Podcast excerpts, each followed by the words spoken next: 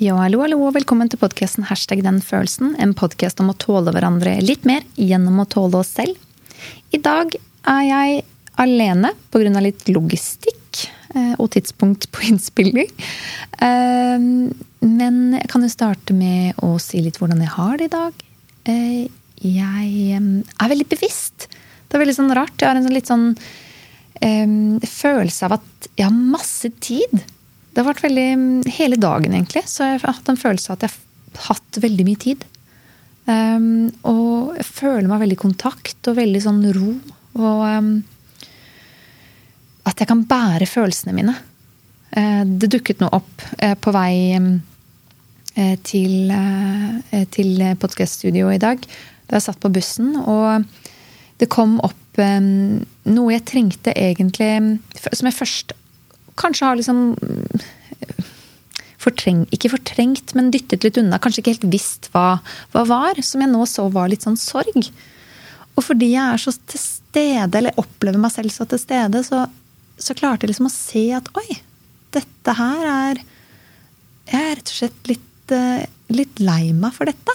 At det er litt sånn sorg i det. Og så kunne jeg på en måte ta, ta meg selv litt opp på fanget og gi meg selv kjærlighet. Jeg satte på liksom kjærlighetsmusikk og, um, og rett og slett bare ga meg litt sånn plass til å, til å sørge og, og, trøste meg selv. Og så ble det veldig fint. Um, og det å være bevisst er jo veldig mange måter å, å bli det på. Og én måte er jo rett og slett å bruke pusten. Og, og, og, få kontakt med følelser og også være til stede. Og i dag skal vi ha et veldig spennende tema med en jeg har studert med. Som jeg har veldig respekt for. Um, eh, han har jo mange kloke tanker. Og alle gangene jeg har snakket med han, så har han veldig mye interessant å komme med som jeg ikke har tenkt på. Og perspektiver. Han har en sånn tendens til å gå veldig dypt inn i ting. Uh, og det syns jeg er veldig spennende. Um, så i dag skal Magnus Støre komme hit og snakke om pusten og følelser. Og det gleder jeg meg til å lære mer om, for det kan jeg veldig lite om. Så jeg tror det blir en veldig spennende eh, episode i dag. Så gled deg. Just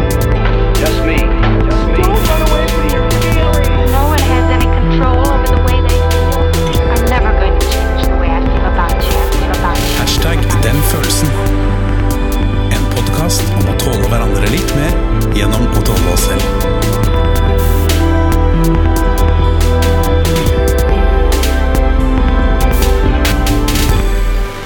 Ja, og i dag så har jeg besøk av eh, ja, faktisk sønnen til Jonas Gahr Støre. Men det er jo ikke derfor du er her, eh, Magnus. Vi skal ikke snakke om det. Men jeg, jeg kjenner jo deg gjennom psykologi. Mm. Og så skal du snakke om et tema som er veldig spennende. Fordi jeg kan altfor lite om det til å gjøre det hver dag, mm. syns jeg. Eh, og det er dette med pusten. Ja. Og pusten og, og, og, følelser og Jeg, jeg har gleda meg veldig til denne episoden i dag. Ja, rett og slett for å lære mer. Eh, men hvorfor tenker du at det er viktig å snakke om pusten og følelser?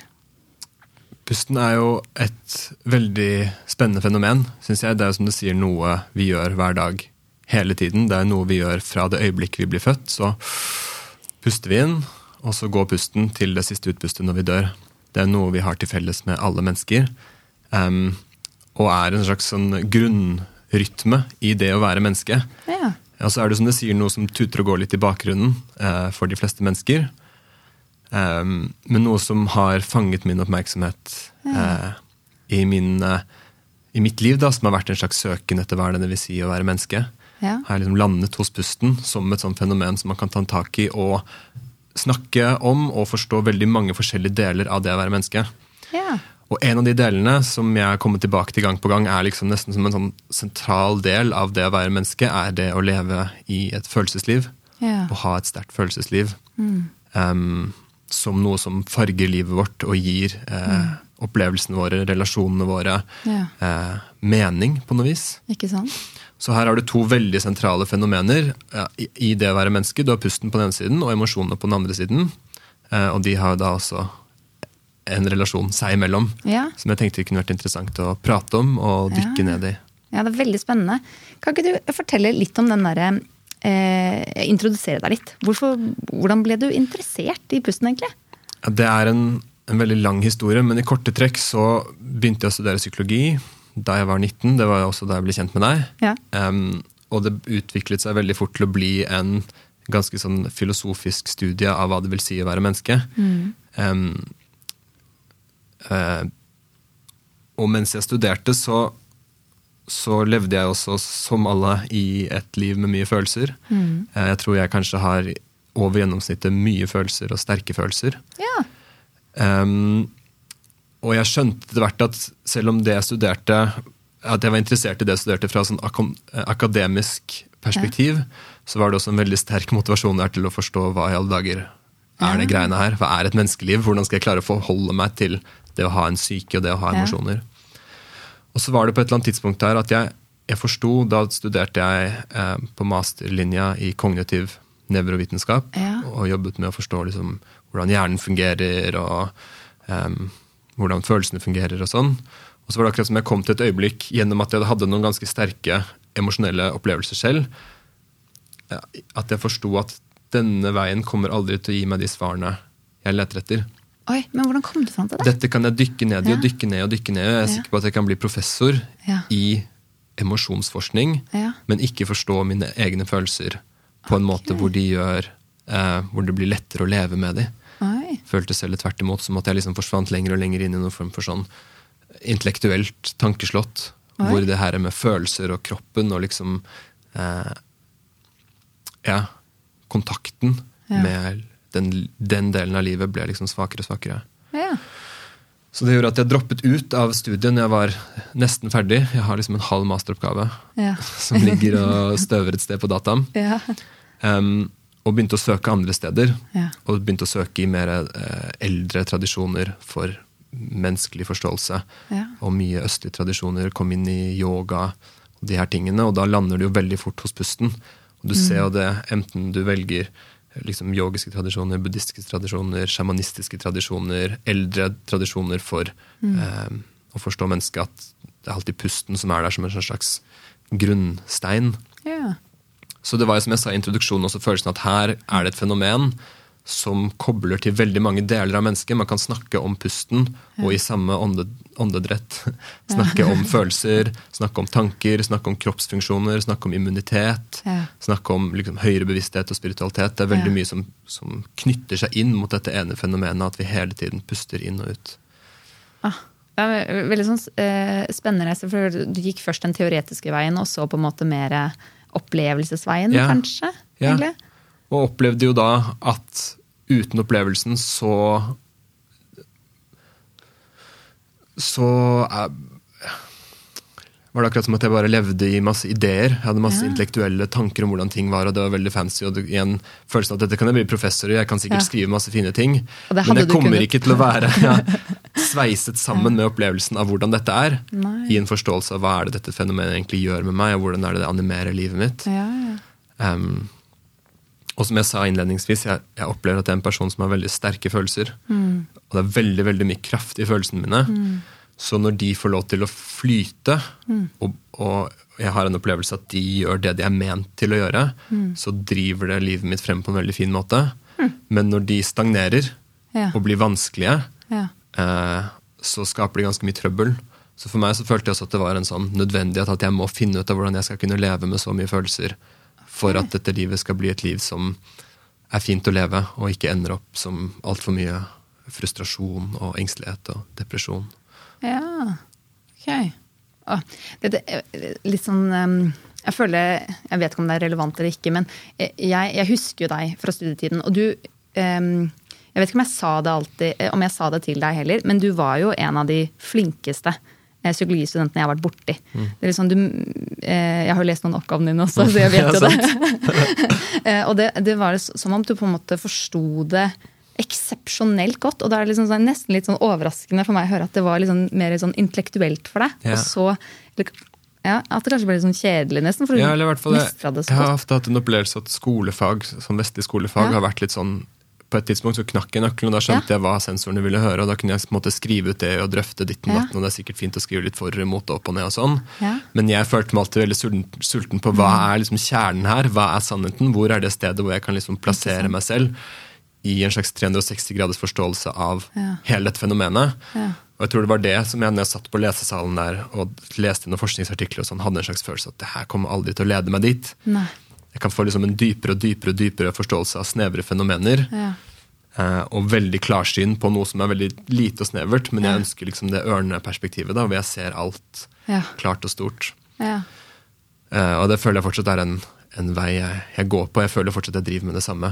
Ja. Eh, Psykologi på noe vis, men i veldig utvidet forstand. Å forstå mennesker. Ikke sant? Nei, jeg tror det det var også derfor jeg ville ha deg til å komme hit og snakke også. For jeg tenkte sånn at hvis du har oppdaget noe eller fått litt som en type kunnskap om et eller annet, så er det noe jeg har lyst til å høre. Og det tror jeg også lytterne har lyst til å høre også. Mm. For jeg tror du går ganske godt inn i det. Jeg har en tendens til å gå dypt i ting. Ja, absolutt. Um, nei, men fantastisk. Um, så kan ikke du snakke litt om, om pusten? Hvordan kan pusten være en refleksjon av vår emosjonelle tilstand? Hvorfor er pusten og følelsene våre kobla sammen? Mm. Det må du spørre han som lagde det greiene om. Men jeg tror vi kan unektelig eh, erkjenne at de er det. Ja. Og hvis vi observerer oss selv eller de rundt oss, så ser vi at det er en veldig sterk sammenkobling mellom pusten og følelsene. Et eksempel er for eksempel når noen blir veldig redde, så er det veldig vanlig at man gjør sånn her. Ja. At det kommer instinktivt et dypt åndedrag Ja. gjennom munnen. Ja. Eh, på andre siden av skalaen, hvis noen som er veldig redde, blir glade, for eksempel, Ja. så kommer det ofte et sånn lettelsens sukk som er litt sånn ja. Og det er også noe vi gjør helt instinktivt, sånn at vi, vi legger ikke helt merke til nå gjør hun det, eller nå gjør hun det, men hvis man er bevisst på de som er rundt seg, så ser man at det er som at idet det kommer en emosjonell ladning, så er det naturlig for kroppen å puste på veldig spesielle måter som ikke virker til å ha noen funksjon på oksygenering. Det er ikke sånn at vi puster inn raskt for å få litt ekstra oksygen. Blodet har allerede mer enn nok oksygen, men det er en eller annen kobling der Ja. mellom måten vi puster på og måten vi føler på, som synes å være eh, veldig nøye utviklet. Ha, det er kult. Det har jeg ikke det fins Ja. jo mange andre eksempler også på hvordan vi liksom gjesper, Ja. hvordan vi ler, um, hvordan vi puster når vi er engstelige over tid, hvordan vi puster når vi er veldig rolige og fredelige, hvordan vi puster i ekstatiske tilstander. Mm. Um, som gjennom mine studier og min erfaring tyder på igjen at det er en veldig sterk kobling her. Og For å gå litt inn i det, så tenker jeg at som jeg sa um, om, om min egen opplevelse, at jeg opplever at emosjonene har en veldig sterk ladning som eh, bestemmer litt hvordan jeg virker i livet. Okay. Emosjonene er jo en slags em, noe som gir liv verdi, og bestemmer om ting er bra eller dårlig, om det vi skal tiltrekke oss noe eller vike fra noe. Så eksempel frykt er jo et sterkt evolusjonært signal på at her er det noe vi må enten være øh, obs på, Ja. eller noe vi må vike unna. Ja. Og at emosjoner i veldig stor grad er Jeg liker å se på det litt som bensinen til handlingene våre. ja. Og handlingene våre er jo noe som ofte er veldig kroppslig. Vi Mm. beveger kroppen f.eks. bort fra en fare eller nærmere noe vi vil tiltrekkes. Ja. Eh, Og alt som har med kropp å gjøre, er igjen veldig tett koblet på pusten. Ja. Så det er en slags Hvis man for et øyeblikk, selv om jeg ikke egentlig liker den lignelsen, ser litt på kroppen som en maskin, da, Ja. så kan man jo da si at um, at, at, pusten, nei, at emosjonen er en slags gasspedal, og Ja. pusten er som bensinen i tanken. Eh, og jo mer du trykker på denne gasspedalen, og måten du trykker på denne gasspedalen, bestemmer hvor mye av den bensinen som trengs, og på hvilken måte. Ja.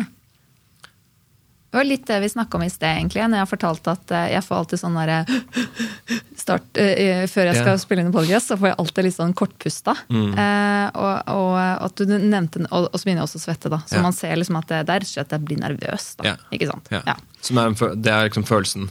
Men det er kanskje også den, ett aspekt av en følelse som har andre deler i seg, hvis man begynner Ja. å grave lenger ned i den. Ikke sant? Det jeg sa til deg, eh, som er min sånn intuitive forståelse Ja. av det, når du puster inn sånn litt gjennom munnen når du er litt nervøs før du begynner å podcaste, at det er et uttrykk for at kroppen din endrer modus.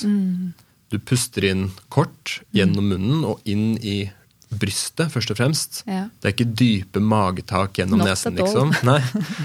Og det tyder på at kroppen holder på å endre modus, akkurat som den gasspedalen driver Ja. og Det er litt dårlige bilder, for du har bare én gasspedal, men si at du har et piano, da, for eksempel. Ja. Du har mange tangenter. Du begynner Ja. å spille på andre tangenter, for kroppen trenger noe annet Ja. for å møte en situasjon som oppstår. Så du puster inn i øvre del av brystet. Når de øverste delene av lungene fylles med luft, så signaliserer det til kroppen at nå er det en situasjon hvor jeg trenger å være på alerten. Ah. Jeg trenger Prestere. prestere. Ehm, temperaturen i kroppen går opp, du Ja. begynner å svette, pupillene blir større, hjertet begynner å dunke raskere. Ja. Du får mer adrenalin i blodet, disse tingene som er masse markører. Ja. Så man kan gå inn og se på én og én, men man kan også se at liksom helhetlig her skjer det et fenomen at en hel organisme endrer gir for å møte en situasjon som oppstår. Det. Eh, og det tenker jeg på mange måter kommer, blir iverksatt fra den emosjonelle ladningen. Det kommer nervøsitet, Mm. Ja. og så er det det som liksom driver kroppen inn i et annet modus. Hvor pusten blir et av de sterkeste um, midlene for kroppen å aktivere det moduset, kan Ja. du si. Det på en måte jazzer opp kroppen gjennom ja. pusten, da. Og folk som sliter med angst, sliter jo ofte med at de kan komme inn i sånn modus hvor de begynner å hyperventilere. For at kroppen eh, ikke er helt eh, tuna Ja. riktig, så den plutselig overreagerer litt. Ja. Um, og det som er så kult her, når vi snakker om pust og emosjoner, er at vi ser at pusten henger sammen med kroppen og kroppens mm.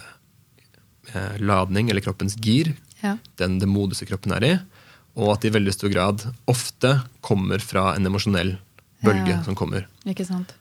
Så det er en slags rekkefølge. da. Man kan si Du blir emosjonell, Mm. og så begynner du å puste annerledes, og så kommer kroppen inn i et annet modus. Så det er ikke pusting først, og så kommer følelsen? Det kan være det, men, men i min verden så er følelsene og liksom psyken ofte det første. Det er det som leder an, og så Ja. følger kroppen etter. Det kan også skje andre veien. Ja. Da Um, påvirker Men da er det mer å snakke om nyanser i det. Poenget nå er at Ja. fordi pusten er en prosess som vi også kan styre Ja. bevisst, så kan vi også reverse engineere de her prosessene og lære oss hvordan Yes. kan vi bruke pusten til å mestre følelsene gjennom eh, tilgang til kroppens arsenal av, eh, ja. av forskjellige moduser å være i. Oi. Så for eksempel eh, folk som sliter med nervøsitet. Ja. En del av de menneskene som jeg jobber med, som sliter med nervøsitet, enten som, som i dette tilfellet litt sånn lett prestasjonsangst, liksom, eller Ja. bare generell litt sånn eh, utvetydig livsangst. Ja. Og, jobbe, em, og ender opp med å puste mye gjennom munnen og mye opp i brystet.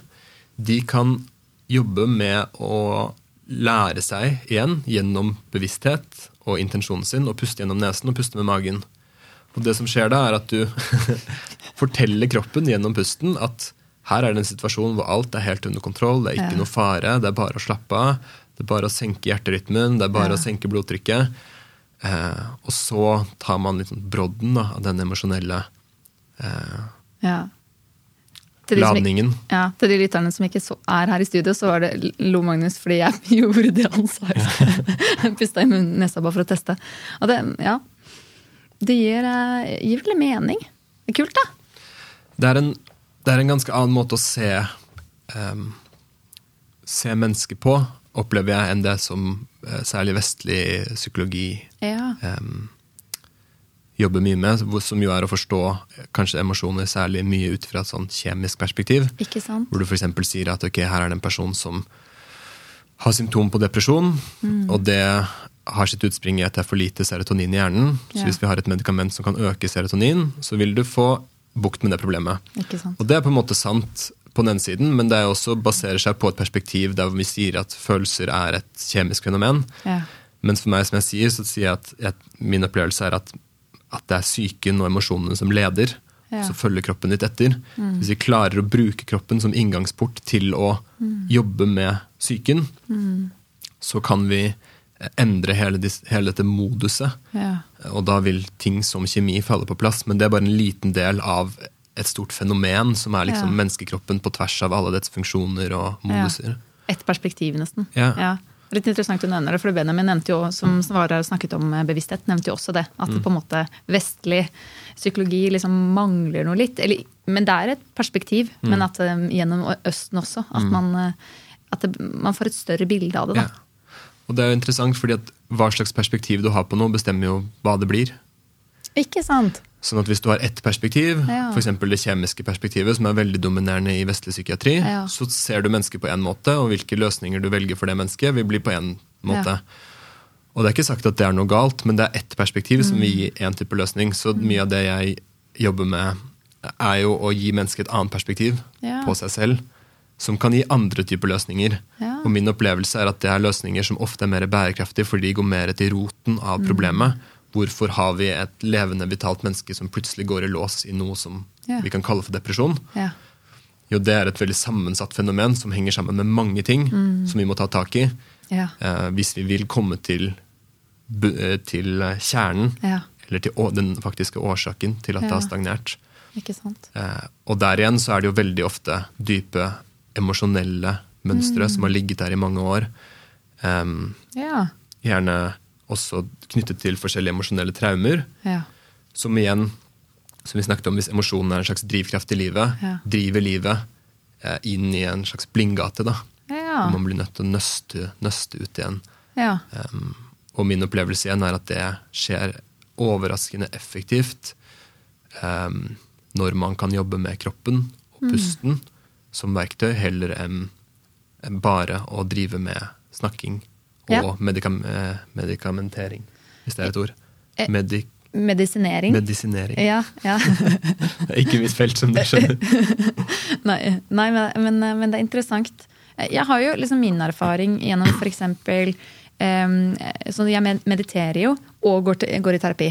Den komboen har jeg syntes vært helt fantastisk. For da har jeg på en måte både opp, opplevd med kroppen dette med liksom å få slappet av og observere, samtidig som jeg på en måte også tar den eh, standardveien med å gå og Ja, prate med noen og få sparring. da. Eh, Og, jeg synes, og også yoga, for Ja, den saks skyld. ja. Og da kommer jo pusten. Ja. Jeg, og jeg, og liksom, jeg kan altfor lite om det til, å, til å egentlig være veldig påvirka av pusten. Ja, ikke sant? Hører jeg nå. Jeg syns det er veldig interessant. Men hvordan er typisk du ville jobbet med, eh, med pusten? eller La oss si at noen har Mm. Eller mm, ta en følelse, Ja. og så ta pusten. Okay. La oss ta følelsen av å være overveldet Ja, av sitt eget liv. ok. Så veldig eksistensielt, liksom? Nei, det trenger ikke å være det, men Stress. hvis man pakker det ut, så er det blanding blanding av liksom da litt stress, Ja. litt engstelse, følelsen av aldri helt strekke til, strekke til, følelsen Ja. at det liksom går for fort i svingene, og en sånn stadig eh, litt sånn nagende, gnagende følelse i brystet på sånn her ah, det her er ikke noe Ja. liksom eh, Er det her riktig? Skal det være sånn, liksom? ja. Det er en følelse jeg har følt mye på, så jeg kan relatere litt til den. Ja, det modus å være i, og jeg tror at det er mange som føler på det Ja. på forskjellige måter til forskjellige tider. ja. Så når jeg jobber med mennesker, så det jeg observerer, er at de aller fleste Mm. puster på en måte som ikke er den måten som kroppen ble designet av naturen til å puste på. Okay.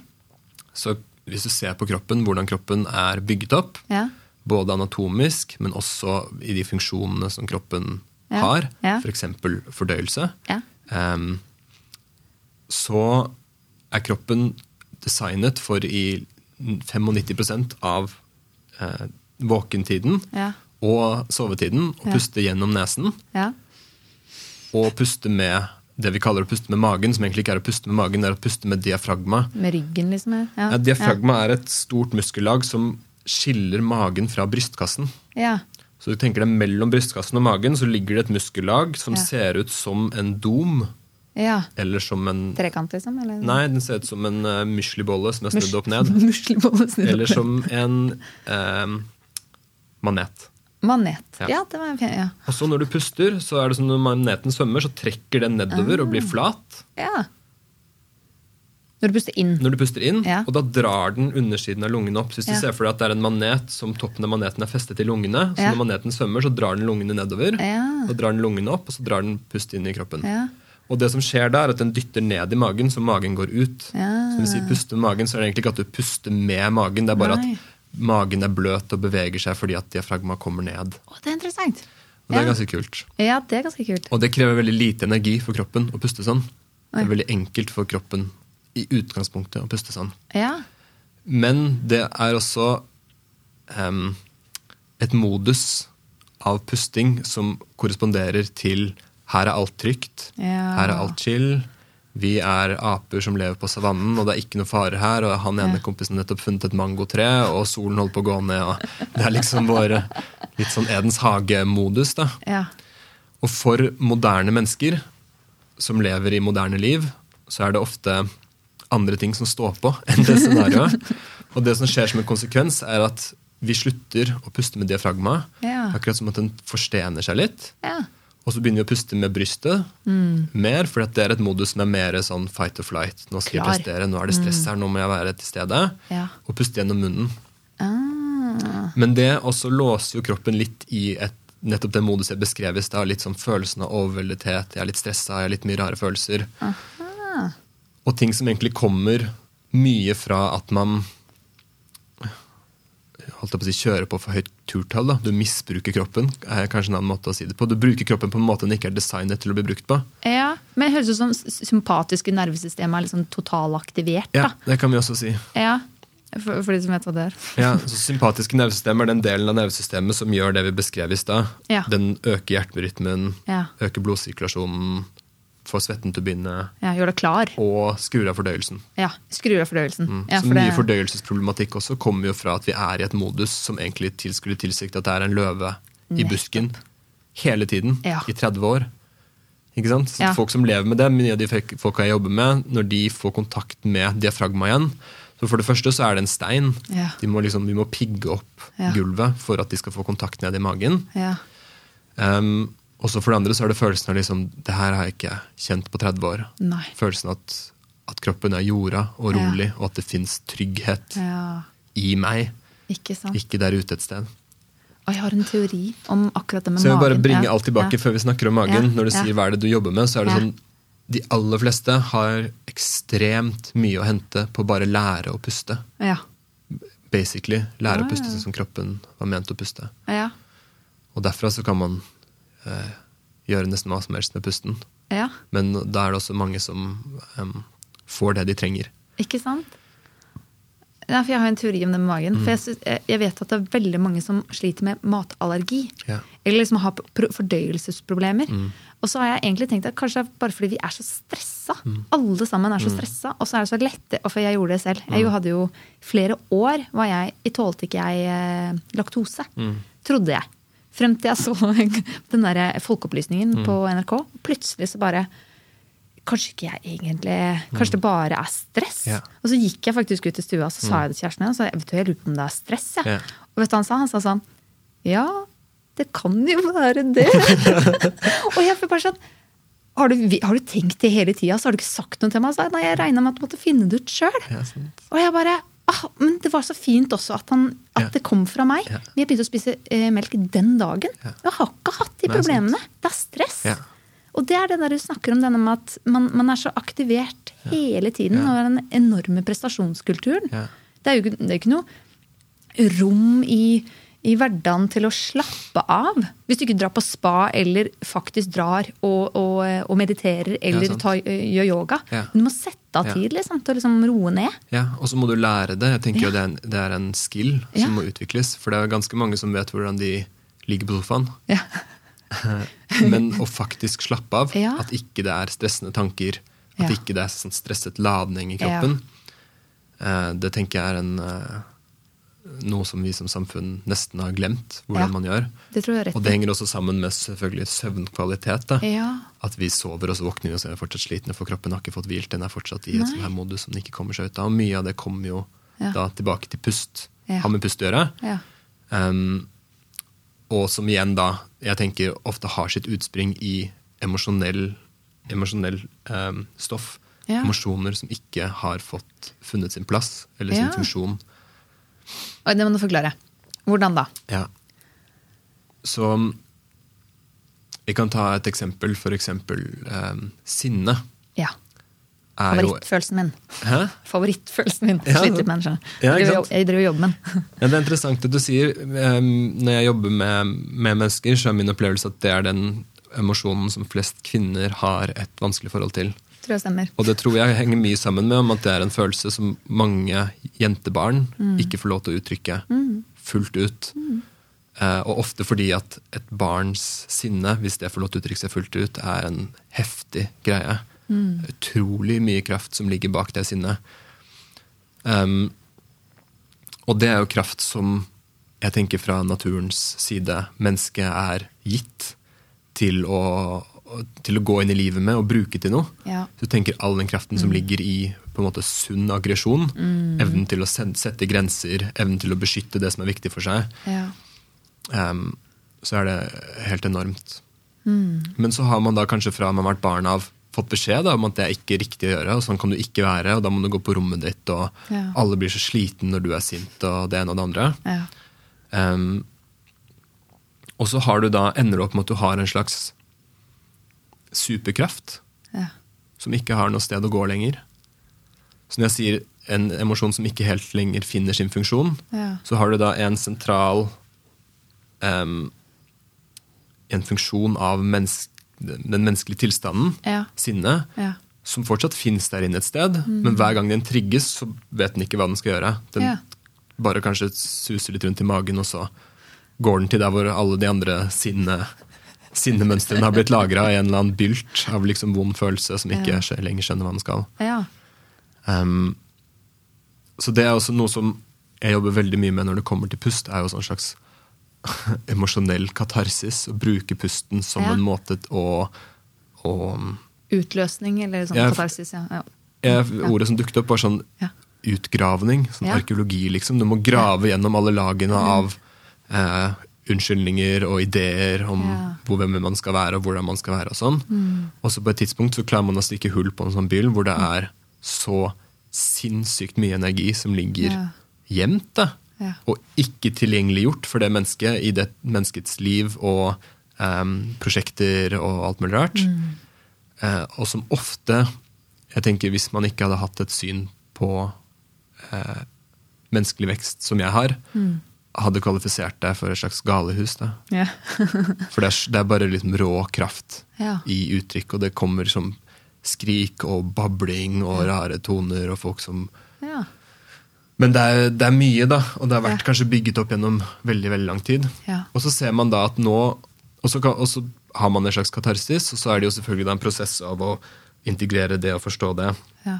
Men det viktigste er at det er blitt stukket hull på den byllen, og det har blitt erkjent at det er et problem at ikke jeg uttrykker en av de mest sentrale emosjonene mine. Ikke sant? Og derfra kommer det jo en veldig interessant vei av å prøve å finne ut av hvordan kan jeg finne tilbake til det stedet hvor aggresjon er en sunn, naturlig og tillatt funksjonell respons i relasjoner eh, overfor ja, ikke sant, mennesker man møter, situasjoner Ja. man dukker opp i, og ikke minst, tenker jeg, i vår tid, som eh, beskyttende. Ja. Altså legitim beskyttelseskraft, kanskje særlig overfor klima da, og miljø. ja, ikke sant? At den her eh, apatiske eh, tilnærmingen Ja. tenker jeg henger mye sammen med at vi har ikke tilgang på det her rå Ja. Litt sånn derre løvemoren som passer på barnet sitt. ja. Ikke sant? Og det, det er veldig interessant, for det du forteller om det, Jeg kjenner meg veldig igjen når jeg har hatt mine sånne der, prosesseringsgråt, kaller jeg det. Ja. Eh, når jeg får kontakt med et eller annet gammelt. da. Eh, og, og tro meg, det er ikke pent å se på. Eh, og da, eh, noen ganger har jeg vært aleine, og noen ganger eller, har jeg vært sammen med kjæresten min. og han er jo veldig, heldigvis veldig aksepterende. Men Ja. det, det er hyling og Ja, ja. skriking, Og, og så er man ferdig. ja, sant? Litt sånn, Oi, da var det ute. Og du, du kjenner jo at det har sluppet noe. Sluppet noe. Ja. Um, uh, og, ja, det Og det er interessant at du ja. kan liksom føle deg lettere Ja, av å uttrykke en, en emosjon. Og det sier jo igjen veldig mye om hva emosjoner er Ja. i en kropp. Hva de gjør, og hva som skjer hvis du ikke Ja. får uttrykket de over Ja. tid. Det fins forskning faktisk på at folk jeg tror, jeg tror det er noe sånt som at folk som bærer nag, eller et eller annet sånt nå, de kan ikke hoppe like høyt Ja. Som andre. Ja. Fordi de føler seg tynget. Ja. Og det faktisk hadde jeg en erfaring med. At det var en sorg jeg ikke hadde Ja. prosessert. Ja. Og så kom det liksom, fikk jeg stukket hull på det med, med prosesseringsgråt. Ja. Og så var det som om jeg fløy Ja, etterpå. Og, og det er liksom eh, en helt reell opplevelse. Ja. Etter da kunne jeg liksom orka jeg, på en måte. Ja, ja. Det Og Det er der man igjen begynner å tenke at ok, menneske, man, må, man må komme seg inn i et paradigme hvor man kan se på mennesket som et, også som et energetisk fenomen. Ja. Fordi igjen, Hvis vi er låst i sånn her, ja, ja, det var bra, hun fikk litt mer serotonin i hjernen sin, et eller Ja. så tenker jeg sånn, ok, det, det er mulig, men det gjør ikke helt ære på det som faktisk Nei. skjedde der og da. Da hun fikk grått i tårene, hun ikke fikk grått da hun var ni år, eller Ja. et eller annet sånt her. Ikke sant? Det er interessant. Mm. Men jeg liker det. Det er derfor jeg syns det er fint at du er her. Og det er også interessant, kan- fordi i at du skriker Altså, Ja. et skrik eller en gråt, eller sånn som jeg også ofte opplever det, er mer sånn at det er sånn en blanding av liksom snerring og, og knurring og et Ja. sånn slags rart språk som virker som det har noen form for eh, grammatikk, men det er aldri noe som jeg har hørt. Nei. Det er liksom et sånn urspråk, ja. da Ja. så hvis man følger med på en person som er i den prosessen av dyp emosjonell forløsning, Ja. så ser du også at her skjer det noe med pusten som ikke er tilfeldig i kroppen. Et skrik er jo et et utpust, en veldig spesiell form for utpust. Absolutt. Gråt er det samme med hiksting. og Det er akkurat som at det er ikke bare at du hikster, men du jeg tror folk kan kjenne seg igjen i det altså, følelsen av å, å gråte ut noe. At det er akkurat som at hvert hikst, hvert utpust man puster ut, eller de gangene man plutselig holder pusten idet man hikster, at det er at kroppen holder Ja. på med noe lynende intelligent for å forløse stagnert Ja. energi og sirkulere det. Ja. Så mye av det som jeg altså jobber med når jeg jobber med klienter, er jo da enten å trigge det, Ja. Hvis det er mulig, ja. Hvordan da, liksom? nei, og, og in, intensjonelt gå inn og prøve å liksom um, um, Si at nå skal vi ha en session hvor vi jobber med dette, Ja. den tematikken som er vanskelig for deg. Ja. Um, hvis, særlig med klienter man har jobbet med lenge, da, så man vet Ja. at her er det noe som vi har sirklet rundt, og nå kan vi ta en seanse hvor vi setter ja. intensjon at nå er det det her vi skal Ja. jeg med. Så jobber jeg jo med forskjellige pusteteknikker. Da. Noen av de pusteteknikkene jeg jobber med, er jo laget for å igangsette katarsis. ja. Men man kan også, som jeg sa i stad, r- altså reverse engineere det. Ja. Så det er også noe som jeg tenkte vi kunne gjøre nå. da. ja. Kult. som vi faktisk um, um, da kan gjøre bare sånn når som helst, egentlig. Ja. Og det er å mimikere et, et lettelsens sukk. Åh, ok. Så jeg kan, jeg kan prøve å gjøre det først, og så, okay. Skal jeg prøve? og så kan du gjøre det en gang Ok, Okay. Ja. Ok.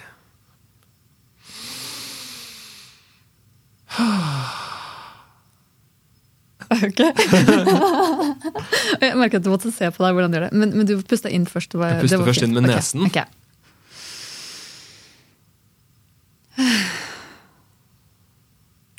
Okay, la, oss, la oss gjøre det en gang til, og så bruke litt mer lyd. Og jeg må, jeg må Så lage du lyd, liksom ja. føler at du virkelig Det er liksom, typisk jente, vet du. Skal du ikke lage noe blir- lyd. Nei? At du føler den lettheten. Du prøver liksom nå å mimikere følelsen av at kroppen blir ti kilo lettere. Ok. Jesus, vanskelig. Ok. Og så en gang til.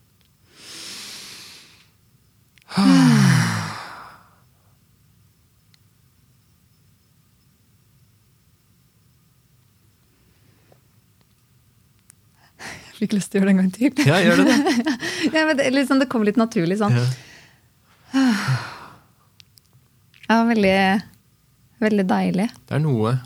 Ja. Jeg, jeg hadde opplevelse av en sånn slags letthet litt bak eh, Ja. brystet. Sånn, eh, bak hjertet, liksom. Akkurat Ja. som at det var noe som satt der og var litt sånn trangt, som plutselig fikk litt rom. ja. Og jeg kjente det i armene. Ja. Så det her er en ting som folk kan gjøre, da. Som er min, eh, en av mine um, resepter. Å ha det her i liksom verktøyboksen. Og så når man kommer hjem for fra jobben eller fra skolen, eller whatever, slenger nøklene der hvor det skal være, jakken, og før man liksom stormer inn i huset i det yeah. moduset, så kan man stoppe opp i gangen og så kan man ta seg fem sånne. Ja. Og etter man har tatt seg fem sånne, så kan man bli stående med øynene litt lukket og så bare kjenne i kroppen hvordan den her litt lette følelsen brer seg, ja. og gå videre. Ikke sant. Det er veldig mm, og, og hva skjer da med kroppen? Liksom, Blir den lettere, eller? Jeg følte jo det. Ja. Ja. På et energetisk plan så blir det jo det. ja. Hvis man går inn og begynner å identifisere tanke, altså tankene sine, følelsene sine, humøret sitt, ja. tenker jeg at tendensen er at her er det en, en, en tyngde som blir tatt av skuldrene. ja. Men hvis man egentlig man, har følelser som man ikke har kjent på, da, som Ja. man trenger å føle på først Før man kommer til det. Ja. Altså det her føler jeg er mye sånn tabrodden ta brodden av stress. Okay. på en måte. Ja. Og mye av det skjer eh, naturlig. Ja. Kroppen har en måte å, å release Mm. tunge følelser på, og stress på, og det er gjennom et avslappet utpust. Gjennom et utpust hvor du ikke holder tilbake. Og det gjør vi når vi Mm. gjør et lettelsens sukk. Så er det at vi går og holder på ting, som Ja. er litt det derre eh, restricted utpustet. Det derre Mm.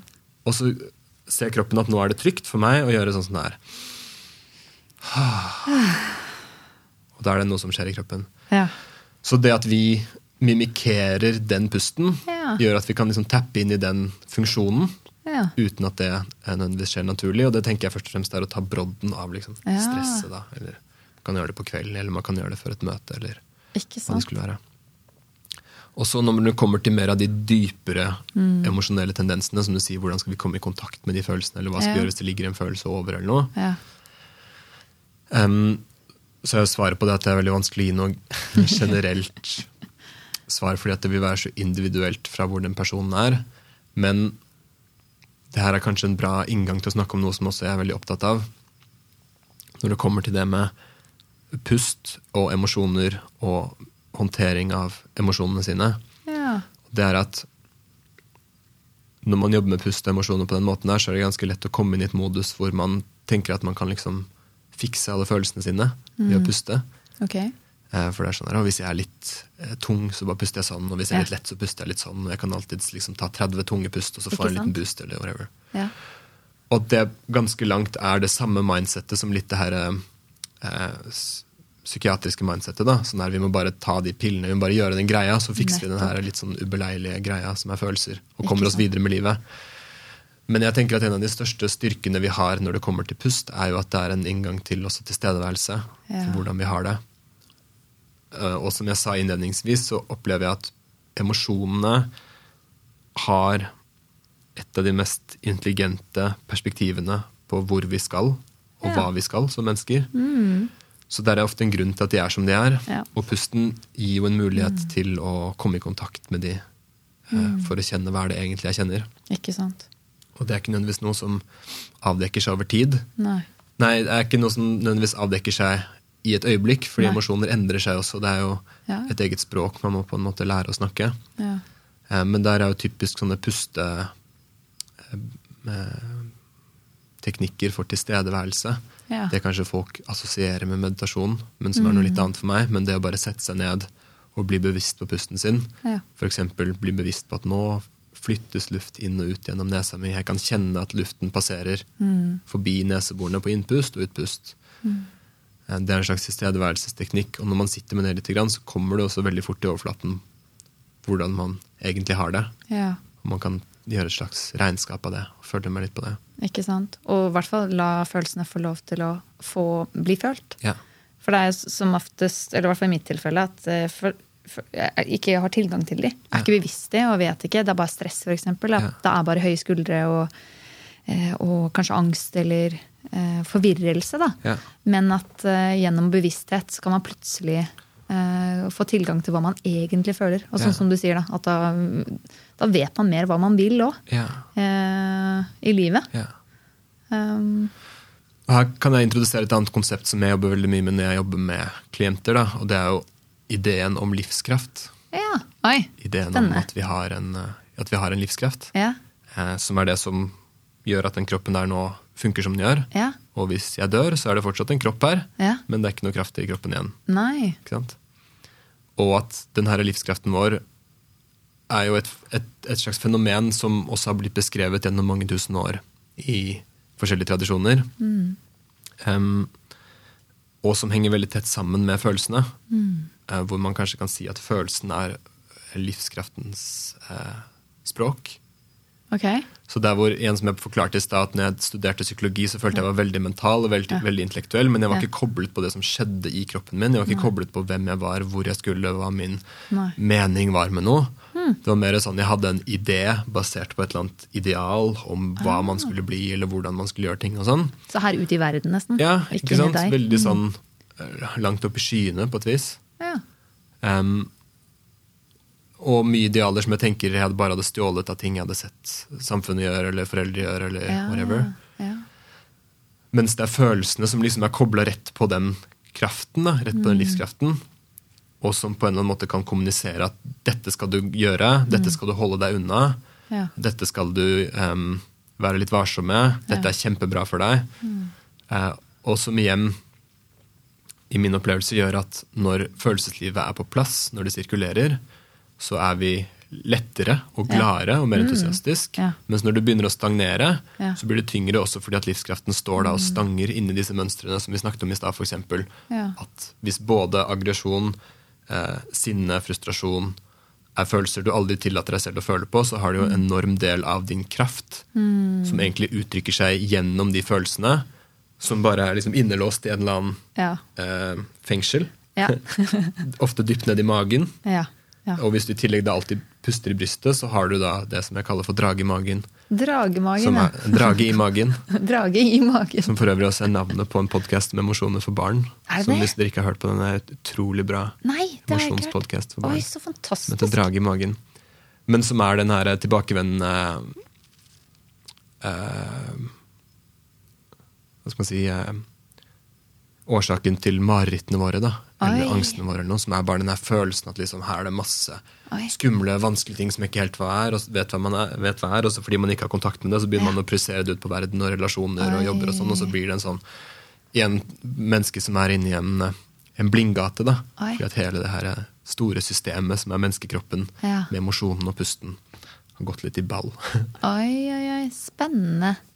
Ja, og da er det lett å tenke ja. at å, her er det et problem. Ja, Ikke sant? ikke sant. Min, mitt perspektiv på det er mer sånn her er det et enormt potensial. For her Ja. er det så mye kraft, livskraft, kreativitet, entusiasme, som bare venter på å bli stukket hull på og få lov til å bli med og skape dette menneskets liv og virke. Ja, ikke sant? For, for sinne er jo mye livskraft. Det er jo veldig motivasjon, og du, når man blir sint, så, så, så, så vil man mye. Ja. Eh, Og blir man sint på ordentlig, Ja. sånn som jeg tenker at sånn ordentlig sinne. Ja, Mm. sånn som er ordentlig sinne, så, så er det nesten ingenting som kan stå imot det. Det har en veldig liksom, sterk Mm. eh, egenskap til å skjære igjennom. Og i de visdomstradisjonene jeg har studert, særlig den yogiske tradisjonen, så sier Ja. man at det er liksom rettferdighetens stemme. Da. Ja. At ekte sinne er liksom Mm. eh, det som gjør at urett ja. eh, blir holdt på avstand i verden. Ja. Men så har du andre former for sinne, da, som er mer sånn der eh, bitterhet og sur Mm. og sånn tverrhet, som er mer sånn igjen følelsen at her er, det, her er det en funksjon som har gått litt i lås Ja. over litt for mange år, har blitt til noe som er litt sånn ja. Ikke, ikke egentlig har en funksjon, det er bare vondt for alle sammen. Ja, ikke sant? Og den drar det bare ned. Den gir jo ingen energi heller. Og ikke med på å skape noe bedre verden. Bortsett fra eh, kjedelige følelser. Ja. Eller ja, ikke noe bra. Nei, men det gir mening, det. Jeg kjenner meg, jeg kjenner meg igjen. Jeg husker faktisk da jeg var liten. Eh, hvis jeg ble sint, så ble jeg rolig. Men veldig tydelig. Ja. Eh, og så var det ofte hvis det var urettferdighet. Ja, sant? Og da var det jo ingen som ikke hørte. Nei. Det husker jeg også. Ja. Og det var, selv om det så jo ikke ut som sinne. Nei. Men jeg, se, jeg vet jo at det var sinne. På en måte. Men det, det, sinne trenger ikke å bety at du står og hyler. Nei. Um, Nei, men det har en sånn kan kalle det sinne. Jeg liker ofte å kalle det for aggresjon, for det føler jeg er mer en sånn um, Som jeg sa i stad, det er- er mer som en sånn tigermamma som liksom Ja. flekker tenner. Ja. For det er bare sånn, her går det en grense, og den Ja. kan du ikke gå over. nei. Og at det er noe med når et menneske uttrykker aggresjonen sin på en sunn måte, Ja. hvor det er, det er helt umulig å gjøre noe annet enn å lytte. Det er en sånn der, tydelighet og en sånn sannhet i det som er bare at her er det, her er det en grense, den kan jeg ikke gå over. Mm. Eh, og jeg tenker at det er en, en egenskap som flere fortjener å ha i arsenalet sitt. Da. Enig. Og vi trenger den for å liksom overleve her. Enig. Um, Men sånn som jenter har jo mye liksom, Hvis man skal I hvert fall jeg hører mange jenter sliter med denne følelsen. Yeah. Men, men sånn som jeg opplever mer at gutter kanskje sliter med andre følelser. Ja. At de kanskje har, bare har sinne som en, en eh, grei uttrykksform. Men som, så blir det mer sånn sekundært, da, mer sånn Ja. sur, eller Ja. som egentlig er kanskje redd, eller ja. Um, Ja, kanskje redd og sår, skam og Ja. mye andre ting. ja. ja, det tror jeg stemmer. Jeg opplever at også at menn har mer um, um, rett til å uttrykke også barnslig sinne, kanskje enn kvinner. Uh, men jeg opplever også at gutter og menn i hvert fall tradisjonelt sett, har tilgang på flere arenaer hvor de kan kanalisere aggresjonen sin inn på en sunn måte. Um, og det er jo mye kvinner som har tilgang på de arenaene, i hvert fall i vår del av verden. Men i mange kulturer så er det også et slags bilde at liksom gutter er sånn, og jenter er sånn. Um, og at særlig mye sånn kompetitiv sport og sånn er jo et sted for å få blåst ut mye av den aggresjonen på en god måte. da. Så kan man gå av banen og ta hverandre i hendene etterpå. Mens for gutter, og for min egen del, så tenker jeg at en av de tingene jeg har måttet jobbe mest med å, å lære meg på nytt, er jo å vise sånn tristhet. da. Sorg og sårbarhet. Um, og erkjenne eh, også funksjonen i at, at, det er lov, på en måte. Ja, mm. og at det er vakkert. Det er skikkelig fint, mm. på en måte. Og ja, det å komme til en sånn samfunn der vi kan vi, både menn og mm. kvinner, vi er mennesker, vi har de samme følelsene, og det mm. har de samme funksjonene. Mm. Og at man får lov til å uttrykke de uten at man skal bli bestemt hva som er riktig og ikke. da. Ja. Um, men det er en kamp som man må kjempe for seg selv og stå frem ja. som et eksempel på. For man kan ikke gå og vente på at andre sier sånn ok, nå er det greit at du viser Nei. det, eller nå er det greit at du viser det. Nei. For den invitasjonen tenker jeg aldri kommer hvis ikke man er i i sirkler hvor det er sånn nå skal vi møtes og uttrykke sinnet vårt. på en måte. Men det er en, det er en personlig reise da, i ja. å lære hvordan skal jeg manøvrere den her systemet som har så mye kraft bakt inn i disse emosjonene. Og hvordan kan jeg bruke det på en måte som gjør at jeg føler mening da, med det jeg gjør. Og komme hjem etter en dag og føle at dette var skikkelig meningsfullt eller det var kjempegøy. eller Og igjen gi meg masse energi istedenfor bare å tappe og tappe og tappe. Ikke sant? Men hvordan har du gjort det, da? holder på fortsatt, føler jeg. ja. Jeg føler Mitt liv personlig er sånn liv som aldri kommer til å bli ferdig. Jeg føler jeg hopper fra ting til ting. Ja. I det jeg prøver å liksom komme dypere og dypere ned i eh, hva det vil si å være menneske, da, som er det som gir meg energi. Um, og å oppleve det sammen med andre. Å være i settinger hvor man sammen kan liksom finne frem til det. Uh, og at jeg ofte føler mening når vi får tatt av de her maskene og vært litt, kommet oss over på alle fire og liksom knurra litt. Og, og, ha mer fri tilgang på den livskraften, da, for det føles så utrolig, utrolig godt. Jeg fikk bare bilde. Ja, ja. ja. Det er så veldig ekte, da. Ja. ja. Det er liksom no, no bullshit. Mm. Og er også en, et vidundermiddel da, og en medisin for veldig mye forskjellige uh, psykiske ting. Det har vært min opplevelse. Som jeg sa i stad, uh, føler aldri jeg har liksom slitt med, med, psykiske ting, men jeg har definitivt hatt liksom tunge runder med eh, kanskje mest sånn depresjon, da, sånn meningstap og sånn. Og ofte opplevd at løsningen på det har ikke vært å liksom løse det jeg tror er problemet. Det har vært å finne frem til deler i meg selv hvor det har blitt stagnert, da, og hvor denne livskraften plutselig stopper opp. Og så jobbe med å forløse det, eh, og mye gjennom pusteteknikker. Jobbe med å tillate kroppen å, å å uttrykke det som er og har vært uuttrykt. Og så gjennom det plutselig så får man tilgang på ny, en ny side av seg som kommer med masse kreativitet og innspill og inspirasjon til ting man kan gjøre og ting man kan få til, og sånn, som, som leder til en sånn slags livsbejaende tilstand. Og sånn, yes, det her er gøy, og det er kult å være menneske og lure på hva i morgendagen bringer. Aktig. Hva var det du kalte det? Livs? Livsbejaende. Bejaende? Hva er det for noe? Godt spørsmål. Aldri, aldri hørt det ordet. Det var et ord som dukket opp nå i vokabulæret. Ja. Eh, å si ja til livet. Ah, å være bejane. Livsbejane. Ah, ah, ikke sant. Ja, At du sier ja til livet. Ja. ja. Du heier på livet. føler jeg litt sånn der, Yes, nå er livet skjer, og det er superkult. Og ja. fett eller på hva som skjer etterpå, eller nå, eller i morgen, eller Ja, ikke sant. Et lyst, eller, lyst til å leve, da. Og det jo også, henger jo sammen med en følelse jeg vet ikke om det er en klassisk følelse, men for meg så er det en veldig sterk emosjonell ladning i følelsen av tilfredshet, som igjen henger sammen med følelsen av at jeg har brukt livskraften min på en måte som, som den er til. da. Nå gjør jeg det jeg skal, på en eller annen måte. Nå er jeg på plass i livet mitt. Nå gjør jeg det jeg skal, nå gjør jeg det jeg er ment for. Det gir så mening at systemet mitt skal drive med det her. Kontra som jeg følte personlig da jeg holdt på med de her studiene på slutten, hvor jeg satt på lesesalen hver dag og bare det her er ikke det jeg er skapt for. Jeg kan ikke tvinge systemet mitt til å gå gjennom det. Og så var det alle den runden av å gå gjennom alle de her tankene om hvem man tror man skulle være, og hva man skulle få til, og sånn. Ja. Og så til slutt bare kaste det over bordet og tenke at jeg må følge den her ja. følelsen. Da. Ikke sant. Mm. Know the feeling. Mm. Gå innover og finne ut hvem man selv er, da. Ut, ja. ikke bare høre på alle andre. Det er kult at man kan komme fram til det gjennom eh, pusten. Man har så veldig mange andre måter. Da. Man kan Ja. gå, til, gå i terapi, eller Sant. man kan meditere. Ja. Men at pusten også er en, et verktøy, nesten. Ja. Det er både eh, et, um, en måte å se hvordan man har det, Mm. og en del av deg, og et verktøy. Mm. Så det høres ut som en sånn multi, multitool. Det var det jeg begynte med her, følelsen at pusten er sånn gave som aldri slutter å gi. da, Ja. Og som henger sammen Sentralt. med alt det andre. Ja, så Hvis du snakker om pusten, så kan du liksom derfra snakke Ja. om alt det andre. Og alt henger sammen med at vi hele tiden går og puster, og at pusten er et uttrykk for da den her livskraften. For Ja. det er jo en erkjennelse også at vi kan, for de fleste menneskene hadde det vært, hadde vært bra å ikke spise en uke. Ja. Ikke sant? ja. Hvis du slutter å puste, så tar det fem minutter, og så er livskraften tom.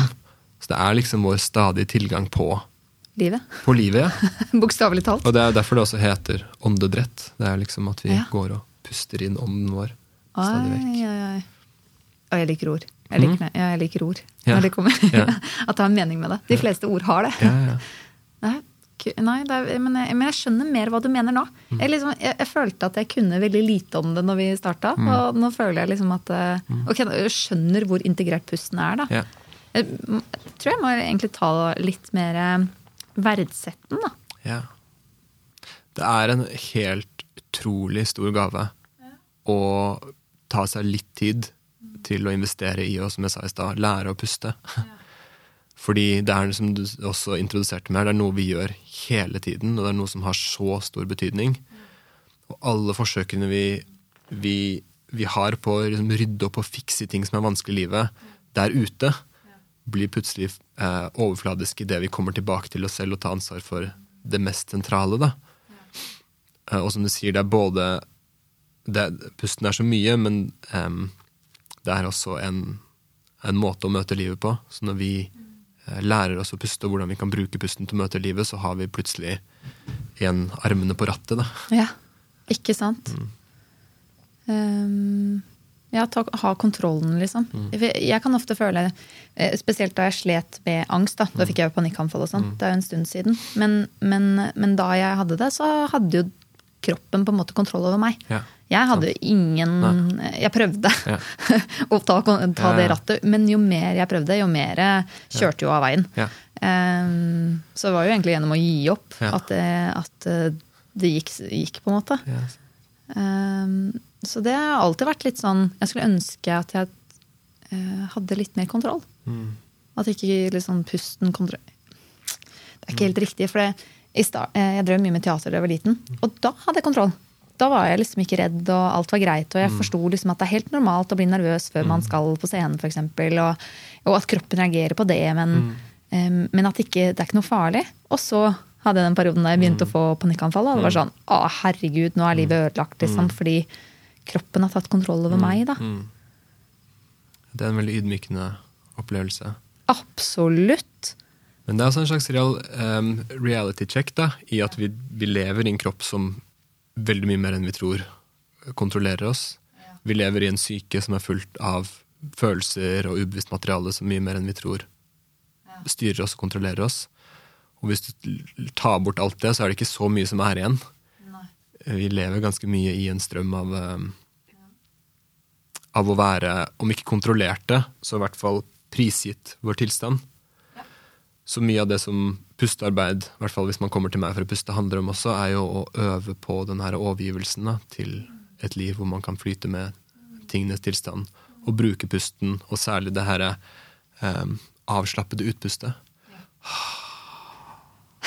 Til å liksom gi litt blaffen og si ok, nå seiler vi med, nå ser hvordan det går. Ja, ikke sant. Og ut fra det så tenker jeg det vokser en slags dypere eh, kontroll, da, som ikke er sånn kontrollbehov, jeg kontrollerer kroppen min, men som er at man, man føler seg igjen trygg da, og på plass i seg selv.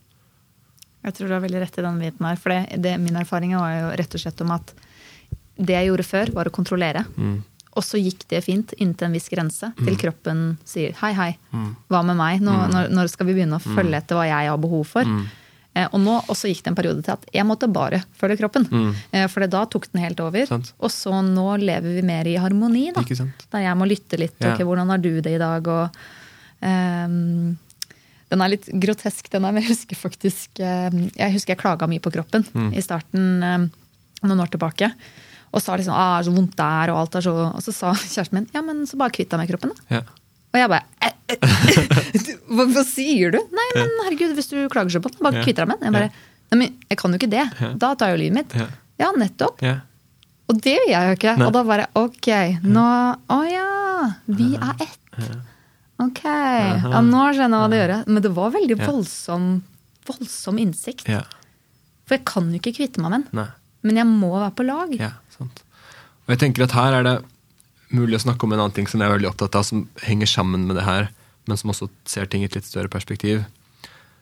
Eh, Og det er jo hvordan forholdet vårt til kroppen vår og følelsene våre og pusten vår også er en slags speiling av forholdet vårt til vår større kropp, som er naturen Oi, og jorden. interessant. Vi har alle de her eh, følelsene som tuter og går, og som vi ikke helt evner å lytte til, og ikke helt evner å skjønne hva prøver å gi beskjed om. Um, og så har vi kommet oss inn i et eller annet paradigme hvor vi, fordi eh, det er vanskelig å være i en kropp hvor ikke følelsene får flyte fritt, har laget en strategi om at vi må kontrollere kroppen og detaljstyre kroppen. Og liksom egentlig, for å si det rett, dominere litt. Eh, ikke lytte og bare kjøre på, fordi at den her kontroll eh, moduset virker å være det eneste moduset hvor vi til syvende og sist kan komme oss gjennom hverdagen, komme oss gjennom livet. Ja. Gir mening, det. Ja. Eh, og jeg tenker at det er også veldig mye av den samme psykologien som vi har eh, når det kommer til hvordan vi behandler jorda, da, og jordas ressurser. At vi også har en sånn eh, kontrollbehov, eh, dominasjonsbehov. Vi har en slags eh, kulturell myte om at hvis ikke vi ekstraherer alt det vi kan fra det her stedet, så kommer vi ikke til å komme oss gjennom morgendagen. Um, men jeg tenker at mye av det er igjen en slags indre følelse som er projisert ut på at vi hele tiden føler at hvis vi ikke liksom får det vi trenger, så er, kommer vi ikke til å uh, klare oss. Eh, men som egentlig er mer en slags kollektiv emosjonell floke. Da. Og en, en, en dårlig strategi om å kontrollere og dominere. Kontra, sånn som du snakker om, det å, å bli ydmyket inn i en forståelse at her er det et samspill og en symbiose hvor egentlig det er mer enn nok til alle. Hvis vi kan komme oss ut av et kontrollmodus og mer inn i et sånn flyte med, gi og ta-modus, hvor, hvor vi er en utveksling, hvor vi selvfølgelig også kan bestemme hva vi vil, men hvor vi ser at eh, det også har en kostnad. Og at det fins naturlige mekanismer som er bygget inn både i menneskene, men også i naturen, for at det skal kunne være balanse Ja, og homostase. ikke sant. Jeg tror balanse er noe vi mangler litt. Mm.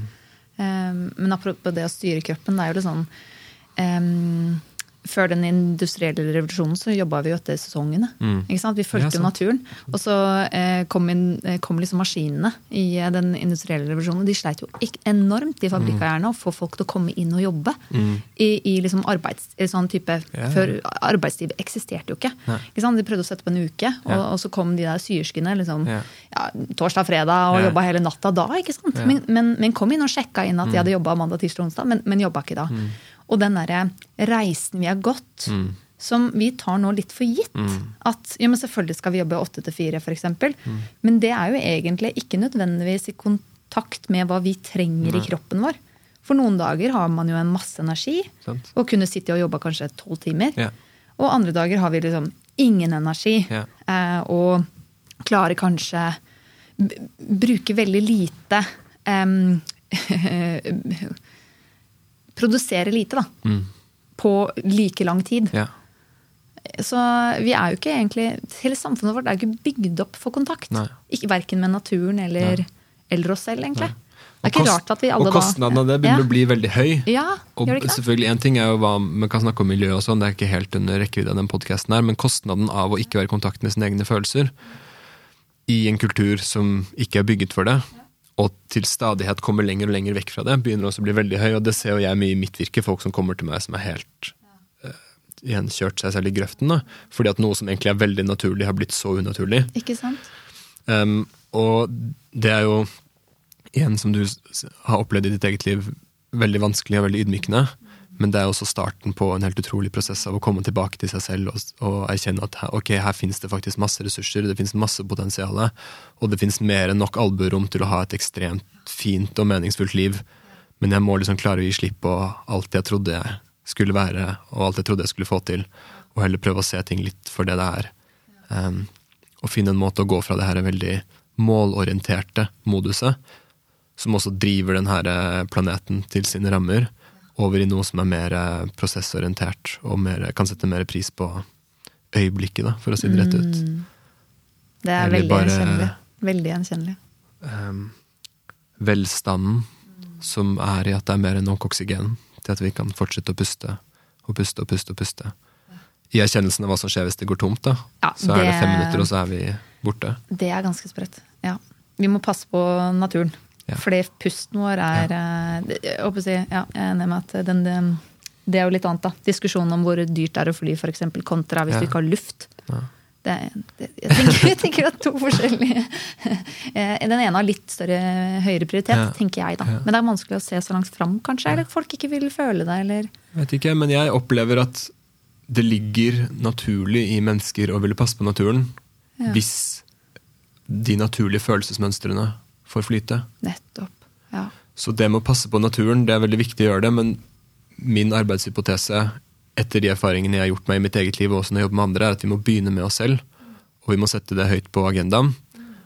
Og så vil vi sakte, men sikkert, ettersom vi vikler oss ut, se hvilke sammenhenger vi inngår i, og emosjonene vil igjen speile hva som er viktig i en større sammenheng, både for oss, men også for liksom, barna våre eller communityene våre. Og for de fleste så starter det med å finne en måte å eh, puste med magen på. Og komme seg to hakk ned.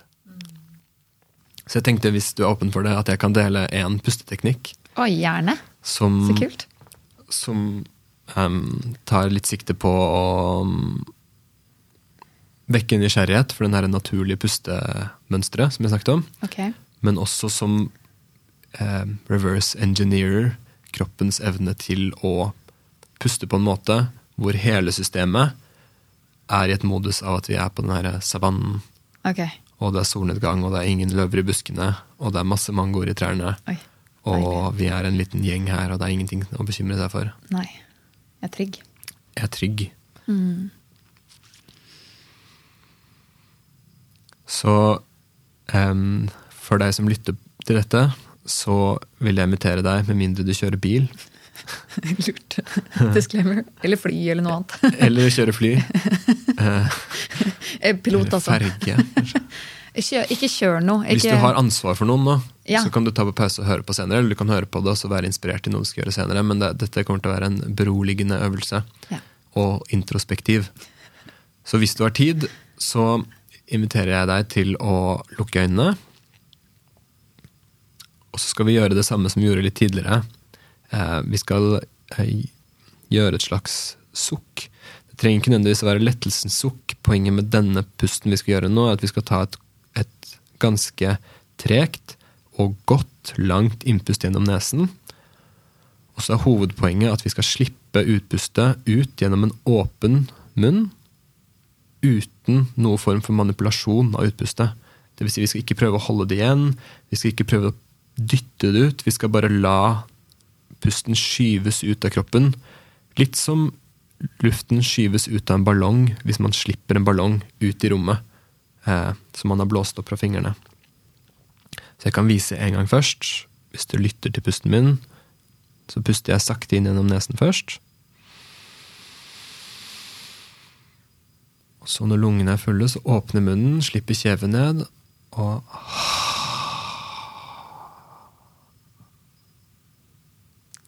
Og så er det et poeng å la dette utpustet få løpe hele sin fulle lengde.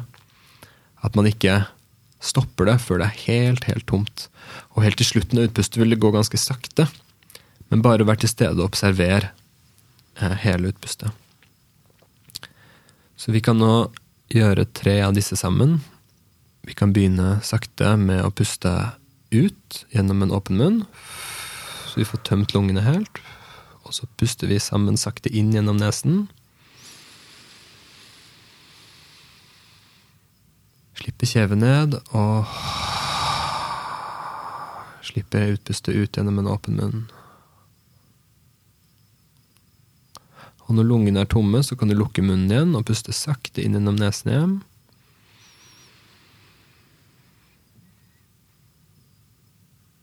Slippe kjeven mot brystet og Puster ut gjennom en åpen munn. Og siste gang så lukker vi munnen, puster sakte inn gjennom nesen. Fyller opp med denne deilige livskraften. Slipper kjeven og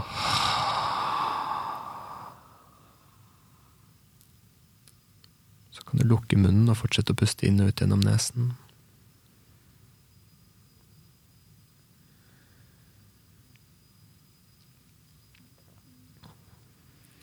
Og allerede nå, etter tre pust, så kan det være at du kjenner deg litt roligere i kroppen.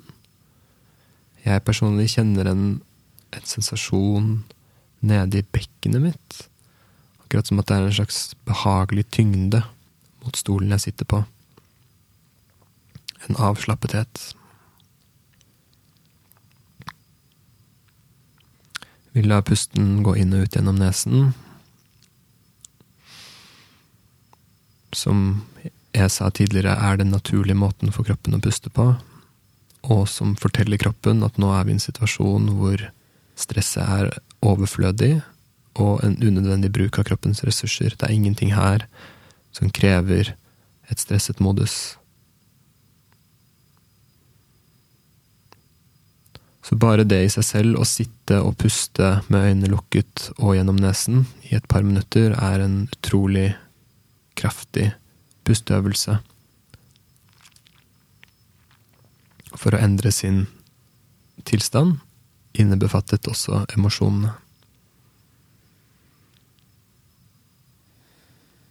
Vi skal prøve å legge til ett element i denne øvelsen, og det er at vi skal forlenge varigheten på utpustene våre, slik at de blir dobbelt så lange som innpustene.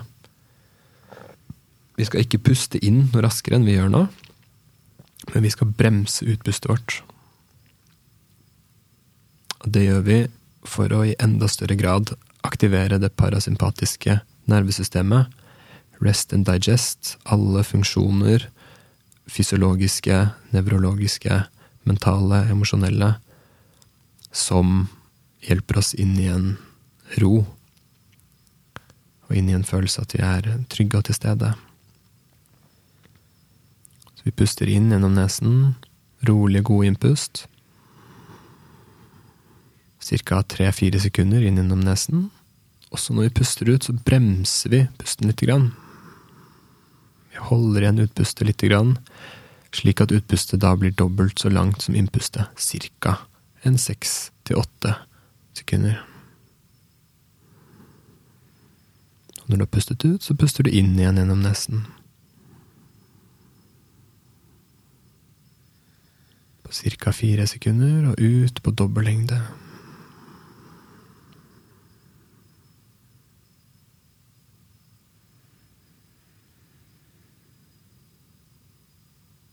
Puster inn igjen og bremser utpustet.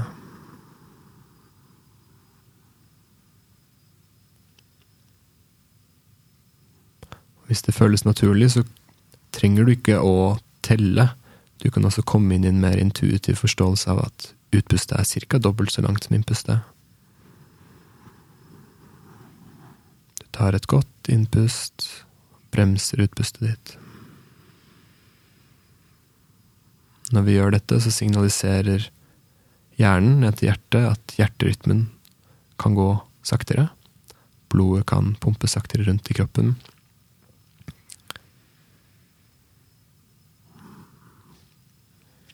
Og at forskjellige nytelseshormoner kan begynne å produseres. Fordi at disse hormonene som skal holde oss litt på tærne og litt årvåkne, er overflødige i denne situasjonen.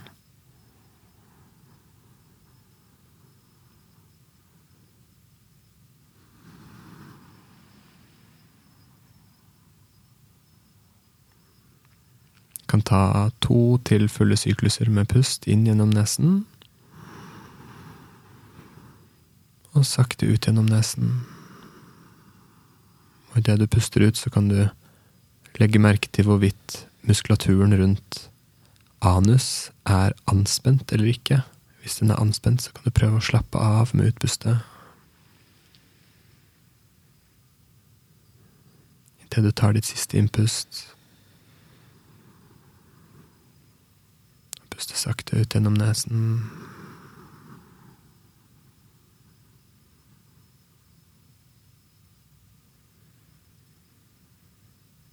Og kommer ut av selve teknikken. Du kan fortsette å holde øynene lukket. Så vil jeg invitere deg til å rett og slett bare legge merke til hvordan du har det akkurat nå, etter at du har brukt ca. fem minutter på bevisstgjort ånding.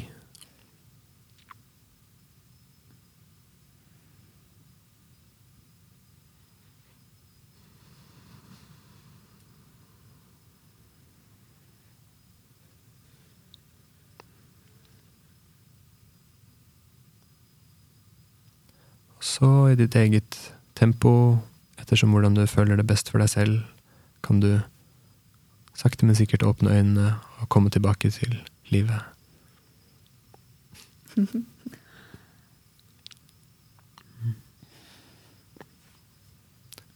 Hvordan føler du deg nå, Marita? Vet du, Jeg har aldri vært så avslappa under podkastinnspilling før. Så det var skikkelig deilig. Det var bare sånn Ja, skikkelig ro og Ja, godt. Mm. Jeg så også kjent det var veldig deilig. Mm. Liksom lande litt. Jeg følte Ja. Jeg tror begge vi to er ganske sånn um, engasjerte som personer. Ja. Så når vi setter i gang, så er det sånn Å, den tingen, Ja. den tingen, og Også den også den.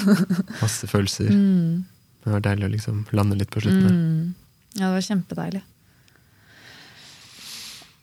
Åh, jeg kjenner at uh, det her er viktig. Nå gjorde du det.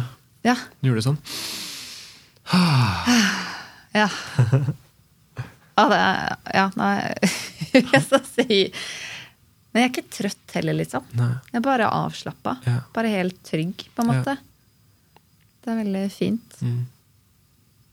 Det er nesten så jeg glemmer at vi spiller inn. Så Mm. jeg må huske, huske det òg, faktisk. Mm. Hvis ikke så kan vi bare fortsette. Ja.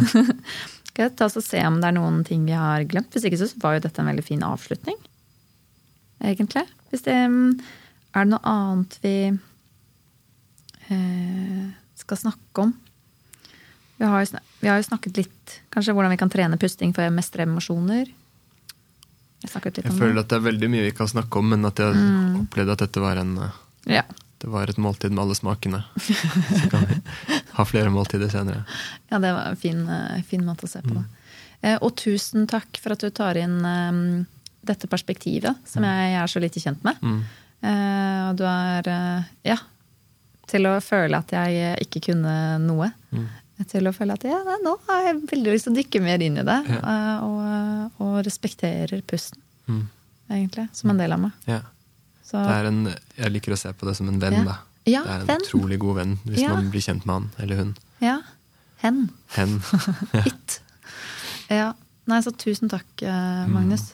Mm. Tusen takk for at jeg fikk komme. Det var veldig gøy. Det har vært veldig fint å ha deg.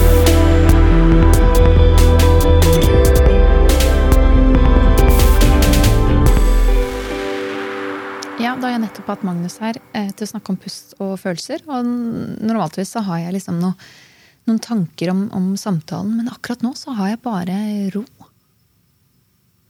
Jeg har bare en, ja, en ro og en tilstedeværelse. Så det er nesten litt vanskelig å prøve å produsere tanker om hva som har vært. Men um, jeg kan vel konkludere, konkludere med at det har vært en veldig fin samtale. Og en veldig beroligende samtale. Eh, og at eh, Magnus har synliggjort hvor viktig pusten er i livet mitt. Og ja, rett og slett hvor sentral den er, da. Eh, Og det har jeg ikke egentlig tenkt på. Selv om jeg puster hver dag. Så det syns jeg er litt sånn interessant. Noe som jeg bruker hver dag, men ikke tenker over. at fungerer og, og påvirker meg. Ja. Så mm, ja, jeg vil bare si takk, Magnus, altså. Det, det var eh, veldig interessant. Eh, og eh, takk for at du har lyttet på i dag. My ethnic feelings left in me had all it be for me.